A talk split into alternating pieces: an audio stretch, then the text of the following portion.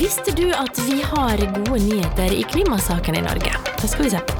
Ja, Visste du at vi eh, fengsler, eller har fengsla, eh, uskyldige folk i Norge? Det er den første saken vi skal snakke om. eh, Og det er Nav-skandalen, som den nå blir omtalt som i, i eh, pressa. Um, Og det handler rett og slett om at det er folk som har fått eh, utbetalt eh, eh, penger fra Nav, og blitt dømt, eller ja, anklaga og dømt for å ha snylta på Nav fordi at de har vært i utlandet i den perioden de har mottatt, eller i Europa, i den perioden de har mottatt, mottatt penger. Ja, og det sier Nav ikke er lov, så de, de har jo blitt tiltalt for svindel. Og Ja. flere av de har jo blitt sittet i fengsel også. Ja. Men så har det skjedd noe. Da har EØS, eller EU, kommet på banen og sagt at ja, men det her stemmer jo. Man skal ha lov å flytte på seg innenfor EUs grenser hvis man er tilknyttet EU. Det er vi jo i Norge gjennom EØS-avtalen. Ja, så man har rett og slett da anklaga folk for å ha brutt loven, og så har de egentlig ikke brutt loven. Eh, Og det her er jo en ganske alvorlig sak, eh, fordi at eh, det handler om rettssikkerhet. En ting som vi setter veldig høyt i Norge. Og i en rettsstat så pleier man jo å si at det er bedre at, at to uskyldige går fri enn at én skyldig Nei, det er bedre at to skyldige går fri enn at én uskyldig blir dømt. Og i den situasjonen her da, så er det mange uskyldige som er dømt for noe de ikke har gjort, eller noe som ikke er ulovlig. Og det er en, en utfordring som, som nok eh, det svir nok ganske kraftig blant eh, juristene i, i, som har sittet og jobba med det her. Det som- tror jeg, for eh, vi har mye tillit til eh, domstolene og til de som jobber med rett og galt. Og det er jo nettopp for det du sier, altså, at loven er en alvorlig sak, og, og rettsapparatet er alvorlig. Når du først når en stat griper inn overfor oss borgere som bor i staten med tvang, da, mm. så skal vi være sikre på at det er rettferdig. Og at det er rettferdig, det er det hvis at det, loven er lik for alle, og selvfølgelig at man dømmes i forhold til riktig lov. Så eh, for det første så har man ikke blitt dømt i forhold til loven her nå, eh, så det er en feil. Og så er det også andre som har pekt på at det kanskje rettsstaten ikke fungerer like bra for alle grupper. For de som er inne i Nav-systemet er jo ofte mennesker som har trengt hjelp fra velferdsstaten. Det er ikke de mest ressurssterke. Så har de da fått oppleve at statsapparatet har dømt dem på feil grunnlag i en periode av livet sitt da de trengte hjelp.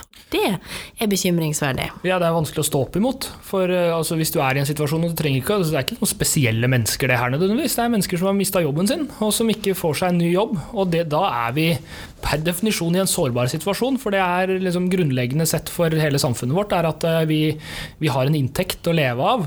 Eh, Og har du ingen inntekt, så vil det være veldig mange utfordringer som dukker opp. Og så, ja, hvordan skal jeg betale husleia mi? Hvordan skal jeg få mat på bordet?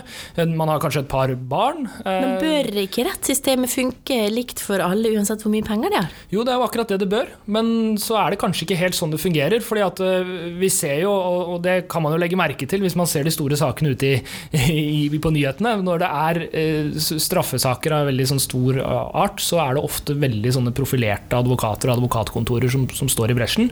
Og så skal ikke vi si at advokater som ikke jobber for advokatkontoret Elden eller en av de andre store advokatkontorene, ikke er flinke, men eh, det er jo gjerne sånn da, at de, de aller flinkeste advokatene koster litt mer enn de som er litt billigere. Og da eh, vil det kunne påvirke hvordan, hvordan saken blir tatt. Så i tillegg så, så er det jo i- i- hvilke saker man har vilje til å gå i, hardt inn i. Og det her er kanskje en sak som ja, Hvor mye på en måte blest får du rundt av at du redder noen øh, Ja, og hva er gevinsten? Ikke sant? Man kan Ja. vinne millioner i enkelte saker hvis man tar store kunder i finans, f.eks. Mm. Men jeg syns stakkars eh, trygdesnylter er vel ikke det mest lukrative, og de har vel ikke penger til å betale så veldig mange eh, Altså til å bruke advokatene heller, for det går jo ofte på time og sånne ting, da. Mm. Så ja, penger, ser vi da her, eh, kan faktisk utgjøre en forskjell i forhold til hva I forhold til, det er faktisk dårlig norsk. Mm. Når det gjelder hva slags rettssikkerhet du har i Norge. Så dette her tar eh, samfunnet Norge alvorlig. Vi har jo sett media slått opp voldsomme store bokstaver, og vi ser at det er politikerne også tar tak i det. Og det er jo enkelte som har bedt om at den ministeren som er ansvarlig for den, den avdelinga som har tolka det her feil, da, mm. at den ministeren må gå også. For det, en politiker har jo til syvende og sist ansvaret for det som skjer under dem. De har det, så, så, det blir jo veldig spennende å se saken videre. Om Anniken Hauglie får lov til å fortsette som er arbeidsminister. Um, og Det er flere utfall av den saken her, og da kommer vi også inn på hvordan Stortinget fungerer og forholdet mellom regjering og storting. og uh, Her kan det skje at, at, og Rødt har vel sagt at, og Bjørnar Moxnes, som er leder i Rødt, sitter på Stortinget, har vel sagt at han uh, vurderer å, å, stille mistillit. Uh, og Da er man i en situasjon hvor statsministeren Erna Solberg må finne ut om hun har tillit til den ene, altså til Anniken Hauglie som arbeidsminister. Så kan det skje at hun må gå av. Det som også kan skje, er at Erna Solberg sier at vi har tillit til Anniken Hauglie, og hvis dere vil ha henne bort, så må hele regjeringa gå og stille et såkalt kabinettspørsmål i Stortinget. Så det, det er mange forskjellige ting som kan skje, men, men at det, sier i hvert fall noe om hvor alvorlig den saken er da for ja. Norge. For det, demokratiet og rettsstaten henger jo veldig godt veldig nøye sammen også. Vi ser jo det i, i, land som kanskje har vært demokratiet, men som holder på å skli ut. Så er det jo ofte sånn at det er de som har makt, bruker rettssystemet for å kneble eller ta bort motstanderne sine. Så vi er veldig avhengig av at det her fungerer likt for alle. At ikke de med mest makt kan på en måte slippe unna med ting. Og det skal i hvert fall ikke brukes mot folk som da kanskje har mindre makt i ja. samfunnet. Og så har vi en tredeling av makta i Norge. Vi har altså, det politiske holdet, og så har vi, eh, har vi eh, altså, rettsvesenet. Ikke sant? Og det er jo det, det forholdet mellom de to her som er ja. viktig i den sammenhengen her. Og Anniken Hauglie har jo ikke ansvaret for at retten har dømt feil. Så det er jo også en oppvask som må gjøres i, i norsk rettsvesen. Det er vel Nav hun har ansvar for. For ja. det som har skjedd her, er jo at Nav har stått på sitt. Ja. Og Nav har sine advokater. Eh, så selv om forsvarerne til de klientene her har sagt ja, men det står jo i EØS-avtalen, mm. så har Nav eh, tolka den dit hen at de har rett. Mm. Og da har liksom Nav fått lov til å bestemme hvor lista ligger. Ja. Og det har også sett vært diskutert at det er problemet at mange av advokatene kommer fra kommunen, der Nav sin tolkning faktisk har eh, blitt sett på som loven, da. Mm. Så vi snakker jo liksom om byråkratiet her, da. At det er byråkratiet som får lov å bestemme mer enn politikerne og mer enn domstolene. Ja. Så det er jo også noe Det skal ikke sitte så mye makt der, de skal utøve makta. Eh, eller ikke utøve, de skal på en måte gjennomføre det instanser med makt sier, men her har det kanskje vært et eksempel på at de har fått for mye makt. da. Ja, og, men det som ligger i diskusjonen knytta til, til, arbeidsministeren og det politiske holdet her, er jo at det man antageligvis, eller har man fulgt det opp godt nok? ikke sant? For det er jo en, en ministers ansvar, er jo å ha kontroll over mm. eh, sin egen administrasjon, og hvis den ikke har fulgt opp det som skal følges opp på en riktig måte, så er ikke det eh, bra nok, bra nok styring. I tillegg så er det jo en utfordring knytta til at eh, ja, har det blitt gitt nok fokus? Har det vært nok vilje til å faktisk gå inn i de sakene her? Og det, det passer jo litt med det politiske programmet til partiet som sitter med den ministerposten, har det blitt sagt da, i forskjellige hold. For det er snakk om å kjøre hardt ned på trygdemisbrukere, med det resultatet da, at folk som ja, kanskje ikke var det likevel, det har blitt tatt. Og når det blir satt i fengsel, så kan man jo si at kanskje man har gått litt hardt på. Men eh, sånn er det i politikken. Og selvfølgelig velferdsstaten er jo avhengig av at folk ikke snylter på mm. de velferdsgodene vi har. Samtidig så er det veldig viktig for oss at vi har velferdsgoder som som faktisk folk veit at de har, hvis, mm. de, hvis, man havner i en sånn situasjon. Og det kan jo skje med alle, fordi at eh, altså, alle kan miste jobben. Eh, jeg er tilsatt som vikar på Kongsberg videregående, og i mm. prinsippet så kan jeg være arbeidsledig eh, i, i eh, august neste år. Og da kan jeg være i en situasjon der jeg ikke klarer å finne meg en ny jobb. Mm. Og da er jeg avhengig av det. Jeg har fortsatt husleie, jeg har fortsatt mat som må på bordet, og da er det klart at da er man i en situasjon hvor man er avhengig av det offentlige òg. Så man må klare å balansere det her, og jeg tror ikke vi har en regjering nå som, som liksom, ikke ønsker det. eller her, her tror jeg det er ganske stor enighet, men det er også noe med måten man prater om det på. Det er mye å si, For ja. Eh, det skal ikke være et stigma heller å måtte ha hjelp i deler av livet. Det kommer vi til å trenge eh, på den Nei, altså, ene eller andre måten. betaler vi jo inn i statskassa, så vi skal jo Og det handler jo om fellesskap, at vi er villige til å bidra. Altså, vi, vi tror jo, nå sier jeg vi, og da mener jeg det store norske vi-et, for det er snakk om samfunnsmodellen vår. Jeg tror jo vi, de fleste mener, og det tror de fleste politiske partier står bak, at det, vi får et bedre samfunn alle sammen hvis vi passer på at folk ikke faller utenfor. Mm. Og hvis hvis det, det skal være sånn at det, når du mister jobben, så rakner alt, da får vi et samfunn med mange flere alkoholikere, folk med mentale sykdommer og kriminelle sikkert. Så det er jo i alles interesse at vi har det sikkerhetsnettet der, da. Ja, definitivt. Skal vi kanskje trekke det over litt på EU og EØS? Ja, hvorfor vil EU, EU at folk skal kunne sitte i Spania og håve inn trygdepenger fra Norge? Nå, nå sa jeg det på en veldig stygg måte. Det er jo sånn ja. som enkelte vil fremstille det. Mm. Det er det de gjør. Mens eh, det handler jo om frihet, egentlig, gjør ikke det? Jo, for i EU så har man det man kaller fire friheter. Altså, du skal kunne, eh, altså varer og tjenester skal kunne flyte fritt, og eh, penger, vel, og kapital, eh, kapital og, og, mennesker skal kunne flyte fritt mm. i, i, i, EU. Og hvis det skal være mulig, så må man ha det man kaller en harmonisering av regelverk, eller regelverket må være sånn noenlunde likt i alle land, for å sikre at man kan konkurrere på, på likt nivå. Um, og det innebefatter da på veldig mange forskjellige ting. Ting som vi merker, er jo at når vi er på ferie i Europa, så kan vi, kan vi bruke telefonen vår akkurat som vi gjør hjemme. Det er pga. EU. Ja, og så er mange av eh, varene du kjøper, det kan du kjøpe med euro, som er en felles valuta. Så du slipper å veksle ja. fra eh, Sverige til eh, Danmark, f.eks. Ja. Jo, det gjør det. Nå prater jeg tull. Har de euro der? Nei. Verken nei, for det er ikke alle som er med på det. Nei. Men mange EU-land har i hvert fall ja. er med på euroen. Eh, det var en av tingene med Storbritannia også, de ville jo ikke ha noe euro. Men mange har hoppa ut i det, så derfor har vi en felles valuta i mange land. Ja. vi legger jo lenke på hvem som har det. Ja, og, det er masse annet. Altså, det er veldig mange områder det er sånne regler på. Eh, altså, man klager over at ja, når man bygger tunneler, så er det masse krav som er EU-krav. og er, Vi har mye sånt forskjellig som, som, på en måte harmoniserer, men samtidig så gjør jo det at eh, hvis du har en, en, en, en si stikkontakter Så hvis man har et felles regelverk på hvordan stikkontaktene skal kan se ut, så kan du produsere et produkt uansett hvor du er i Europa, og, og levere til hele Europa. Og, og, sånn er det jo på, på, forskjellige områder, at hvis man har omtrent samme krav, så vil du kunne konkurrere innenfor de samme rammene. Og samarbeide, vel. Og da kan varer mm. flyte fritt. Eh, og sånn er det også da på, på, på arbeidsavklaringspenger uh, og den type ting, at du skal kunne bevege deg og ha bevegelsesfrihet. For hvis du da sier at nei, du får kun penger hvis du er i Norge, så vil du ikke, da blir du fratatt en en frihet til å bevege deg fritt i Europa. Noe vi har akseptert at man skal kunne gjøre hvis man, når vi skrev under EØS-avtalen, og, og, med det regelverket som følger med EØS-avtalen. Ja, for Vi trenger vel folk beveger seg hvis de skal kunne jobbe i forskjellige land og utdanne ja. seg i forskjellige land. Så det å skulle låse seg til eh, å bo i et land, det passer vel ikke inn i EU-tankegangen da. Nei, men her er det jo masse diskusjon på hvor uh, greit eller ugreit EU og EØS det er. Og, uh, og uh, Storbritannia er på vei ut. samtidig så ser vi jo at, at mm. det også er en debatt i Norge, fordi at vi får en god del som kommer til Norge og jobber. og så er det noen som mener at den fratar jobbene osv. osv.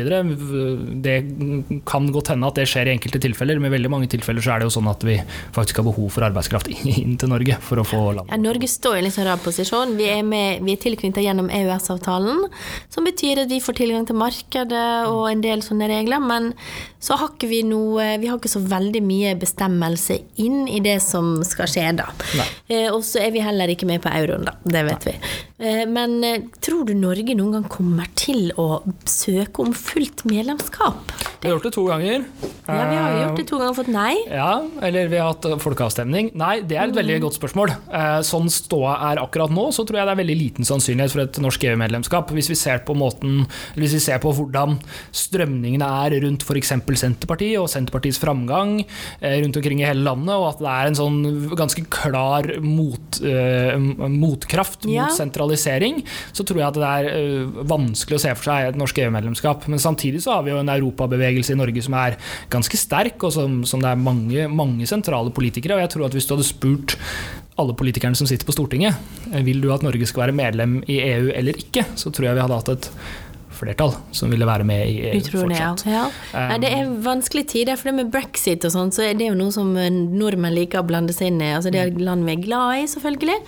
Eh, da har jo på en måte polene snudd litt i forhold til Jeg husker den første EU-avstemninga. Da var det mange arg de argumenter som, gikk, som, man brukte for å ikke gå inn i EU, blir nå brukt for at Storbritannia skal forbli i EU. Så det er litt sånn forvirrende tider, og EU har vel kanskje også forandret seg. Og, og verden har forandra seg. Ja. Så det er, vi kan heller ta og gå litt nærmere inn på det en annen gang, hva som er argumenter for og imot. Ja. Nå tenker jeg vi skal se litt på eh, de gode nyhetene som jeg nevnte at vi hadde når det gjelder klima. Jeg syns ikke det ofte det kommer inn gode nyheter fra den fronten, og det er jo med rette. Altså, vi er jo på full fart inn i en klimakrise. Skal vi tro på de rapportene som kommer, som er sammenfatta av forskning fra ganske bredt fra feltet som handler om klima? Det både, det gjelder både artsmangfold, det gjelder temperaturøkning, eh, det gjelder gifter, det gjelder plast i havet. Nå er det til og med sånn at jeg leste i går at her i Norge så har vi et vannnett, altså drikkevannet vårt, som er så gammelt og vanskelig å oppdatere, og at det er også under press pga. mer regn. Så det er veldig mye som Veldig mange dårlige nyheter. Men eh, i dag har det kommet eh, resultater for utslippene i Norge i fjor, og de har faktisk gått ned.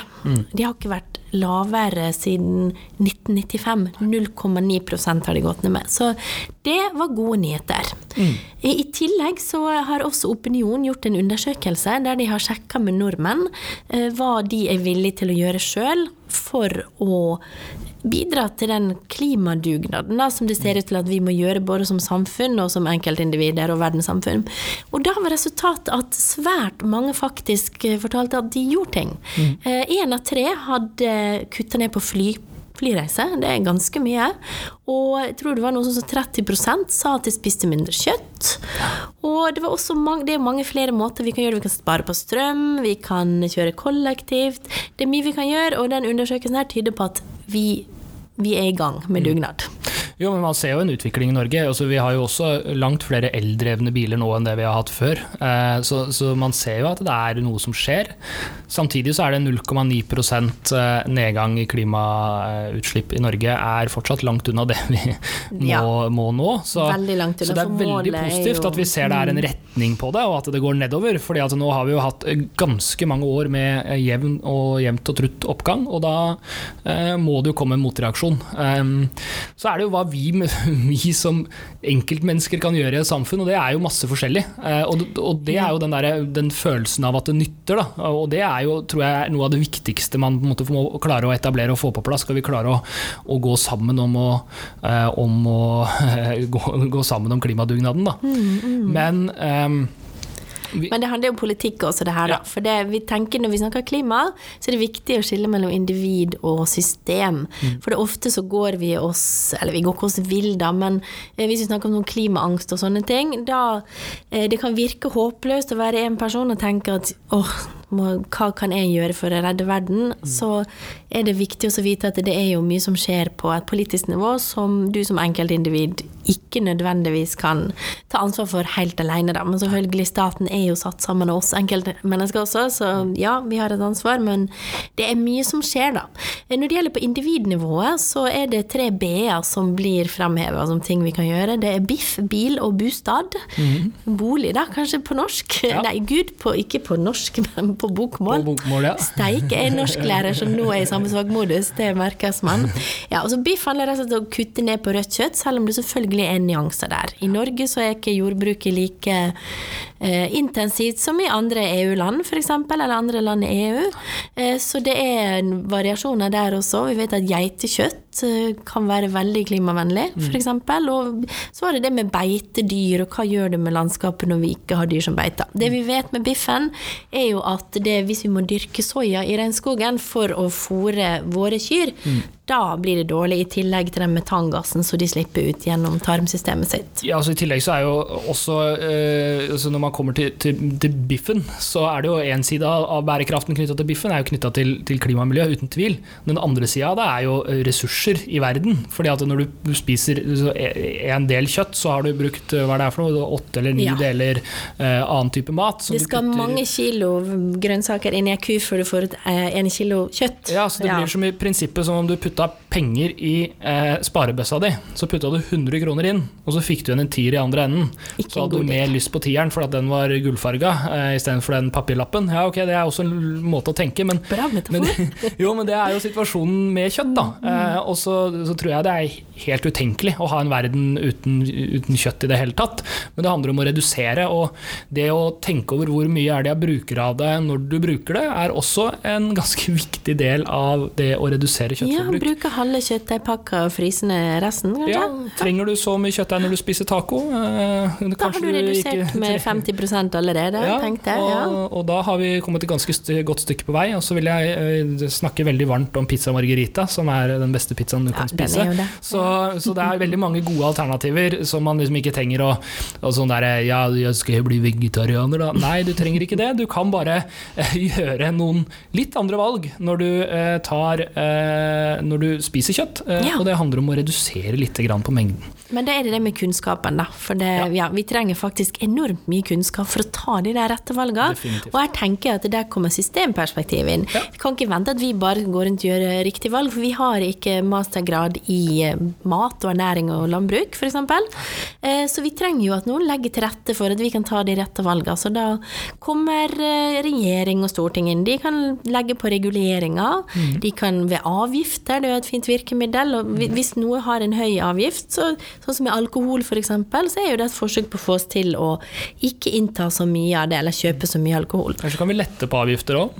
Mm, ja, det er jo hyggeligere med litt gulrot Vi kan, pisk. vi kan ha lavere, lavere moms på gulrøtter, f.eks. Det er jo en eh, dagligkjedebutikk som jeg ikke skal nevne her, som gjør det, som tar vekk momsen på Mm. grønt. Det er lurt. Det er kjempelurt, og det er jo kanskje noe som så, Fordi at du Når man snakker om klima- og miljøpolitikk, så er det veldig ofte så snakker man om de negative tinga istedenfor å snakke om de positive tinga. Men veldig mye er jo veldig positivt. Altså eh, Det at man nå skal plante trær i Oslo f.eks., det er jo ingen som får et dårligere liv av det. Heller tvert imot. ikke sant? Eh, Kanskje hvis du er allergisk mot pollen, ja, for å være litt flåsete, Ja, men, ellers det, ja. det begrenser deg ikke, da. Og det er ikke alt som har med klima- og miljøpolitikk som nødvendigvis skaper en begrensning for oss. Og det er jo også viktig å si at eh, det fører jo faktisk til at vi får bedre luft rundt oss. Det blir mer grønt rundt oss, som har en, en, en positiv effekt på hvordan vi lever livet våre. Og det er jo den fine delen av det. Det er det, Um, men så er det jo noen som vil kritisere og si at eh, det at man bare vektlegger liksom, og grønn, grønn vekst Mm. har jo blitt et sånt ord som blir brukt i politikken min når vi snakker om det. Mm. Og da vil noen, eh, for her handler det om politikk, vil noen si at nei, vi kan ikke snakke om grønn vekst og bare sprøyte på med elbiler og, og teknologi, for de vil mene at det her må vi forandre store deler av samfunnsstrukturen da, på systemnivå for å få til noe som er bærekraftig. Og bærekraftig det betyr jo at vi bruker ressurser på en måte som gjør at neste generasjon i fremtida også har ressurser de kan bruke. Så vi må gå ned i forbruk på et eller annet vis. Ja, vi må, vi må omstille forbruket, men vi må også ta mindre av noe. Og da, eller så er det også noen som heter sirkulærøkonomi, eh, som kan løse litt på det der. nå. Ja, vi kan bruke mindre ressurser, men vi kan også være flinkere til å utnytte de ressursene vi har. Vi kan bruke eh, avfallet fra en en type produksjon til å skape noe nytt. Ja. Jeg leste i går om at du kan bruke avfallet fra papirproduksjon, der du tar trær, trær, og så kan du bruke det til å lage en type kunstplast, faktisk. Ja. Sånn à la cellulose. Så eh, vi, hvis vi er litt smartere, så kan vi få mye mer ut av de ressursene vi bruker, men vi kan ikke bruke mer ressurser. Nei, er her, er, her er det jo kunnskapen som må inn. For eh, En sånn ting jeg har lagt merke til, er eh, at eh, ja, second hand det er miljøvennlig og bra. Men, Men- hvis det fungerer sånn som Tice f.eks., der hvor eh, du kjøper deg åtte nye plagg, bruker dem i tre uker, og så selger dem på Tice, og så kjøper deg åtte nye plagg igjen, da, eh, og det blir den nye greia, at du kjøper deg åtte nye plagg én gang i måneden og selger åtte plagg på Tice Da er en gang i vel det bare god samvittighet du får, da. Det er vel det eneste positive effekten. Og Skaper da- ingen effekt. Nei. Bortsett fra det sjøl, som har litt bedre samvittighet. Og Ja. da er vi kanskje inne på det vi kaller for grønnvasking, faktisk. Og det er ikke bare vi privatpersoner som driver med. Når vi, vi ser jo hvor fornøyd vi blir når vi resirkulerer, f.eks. Men sånn som det kom frem i den undersøkelsen, det har ikke så mye å si for utslipp. Det er veldig lurt i forhold til ressursbruk. Eh, Men så kjører vi da ut i SUV-en vår eh, eh, til hytta som er enorm og bruker masse energi for å varme opp, f.eks. For fordi vi har så god samvittighet fordi vi har bretta melkekartonger. ikke sant? Ja. Og industrien gjør jo også det. De kan fremstille det, det ene lille grønne tiltaket de gjør, mm. og bruke det nesten i PR-virksomhet som branding, da, som det heter, å, å fremstille seg sjøl som miljøvennlig. Og det er jo noe som blir kalt grønnvasking. Så det, mm. her er vi i samfunnsfaget at vi kobler på den kritiske sansen da, for å se hva, hva er fakta her. Og Equinor fikk jo nettopp eh, kritikk eh, for at de eh, lagde en podkast om klima, f.eks. Noe som het at kanskje ikke var så veldig troverdig. Equinor er jo de som vinner ut det meste av oljen her i Gamle Norge. Statoil. Og her, ja, gamle Statoil, og det står jo når det handler om utslipp her i Norge, så har utslipp fra olje- og gassutvinning hatt en oppgang på hele 73% fra 1990. Så veldig mye av de utslippene vi har, kommer derfra. Så da er det kanskje noen andre man skulle snakka med Ja, om klima. Det er jo eh, kjempeviktig klima. å unngå denne. Og det å faktisk gjøre ting som nytter. Det var jo også en diskusjon om plastposer og papirposer for ikke så veldig Ja. lenge siden, og også disse bærenetta. Og Det er jo klart at det, det er fint å bruke bærenett, og det må man gjerne gjøre, men hovedproblemet med plastposen er jo ikke nødvendigvis CO2-utslippet, det er at vi kaster det fra oss i naturen. Eh, Men du måtte jo bruke, eh, bruke et bærenett eh, var det hver gang du handla i ni år eller et eller annet sånt noe, for at det skulle, eh, for at det skulle gå i pluss i forhold til å bruke bærepose. Hvis- Ja, for bomullproduksjonen ja. er veldig foran, så det krever masse vann, og det er sikkert Ja. blitt sydd i Malaysia, og det må jeg innrømme er helt forferdelig, for det, man tenker ikke Nei. eh, Man tenker ikke så hjemme har jeg vel ti sånne tøybærenett, Ja. for det, det har jeg i en periode kjøpte en nytt tøybærenett når jeg hadde glemt å ta med det gamle, istedenfor å ta si ja til plastpose, for jeg skammer meg sånn over å si ja til plastpose. Så Men skal da du er gå i ikke pluss nå, kunnskap Så eh, må du rett og slett bruke de tøybærenetta og ingen plastposer fram til du forlater denne jorda. Da har du kanskje gått i pluss. så- Ja, eller kanskje jeg kan sy dem om og gjøre dem om til klær eller Ja. hatt. Neste gang får du ei lue lagd av Ja. eh, Men, det, men det er jo det interessante med det her, for at det er veldig mange, og det er jo sånn, det er jo markedskrefter her ikke sant, som ønsker å selge oss ting. Eh, og da er det jo en veldig god eh, markedsstrategi i dagens verden å fremstå grønn, og fremstå som om det er miljøvennlig. Men i noen tilfeller så er det ikke nødvendigvis sånn at det er mer miljøvennlig å kjøpe noe som er miljøvennlig, hvis du hvis du, hvis du på en måte kvitter deg med noe du allerede har. Ja. Eh, et kroneksempel på det er de som kaster ut alle plastboksene sine fra eh, kjøkkenskapet og kjøper inn glass fordi at glass er mer miljøvennlig enn plast. Ja, det er det, men det mest miljøvennlige hadde vært å beholde de plastboksene og bruke dem til de gikk i stykker, og så eh, resirkulerte dem etterpå. Vi er ikke så Um, smarte alltid, er vi det? De nei, vi- valgene vi tar som forbrukere, vi trenger å tenke litt på det, og så trenger vi kunnskap. Mm. Så vi, ja, og, og, ja, og kanskje litt mindre samvittighetsstyrt og litt mer eh, realitetsstyrt. Der er jeg faktisk litt enig med liksom disse som er litt sånn, blir ofte fremstilt som de som mørke menn, da, men det, å, øh, det er ingen tvil om at klimaendringene er på vei. eh, Og det er ingen tvil om at vi må gjøre kjempetiltak, men da må vi også gjøre de tiltakene som virkelig, virkelig nytter, og så dulle litt mindre med sånne ting som ikke nytter. Samtidig da, så er det viktig å huske på det at når vi ser at holdningene har endra seg, og sånn, så er en del av de tingene her er med på å, å snu holdninger. Det at vi får en god samvittighet av å gjøre noe, Det det, gjør sant. at vi snur. Og kanskje det er sånn da at når vi eh, kjøper oss tøybærenett istedenfor plastposer, så er det en sånn bevisstgjøring som skjer i hodet vårt, som også gjør at vi tenker over hvor vi flyr, eller om vi trenger å fly, eller hvor vi legger sommerferien, og at det er med på å påvirke. Så det også er en bit av jo, samfunnsfaget. Da, at det Alt henger jo sammen henger med sammen. alt når det gjelder bærekraft.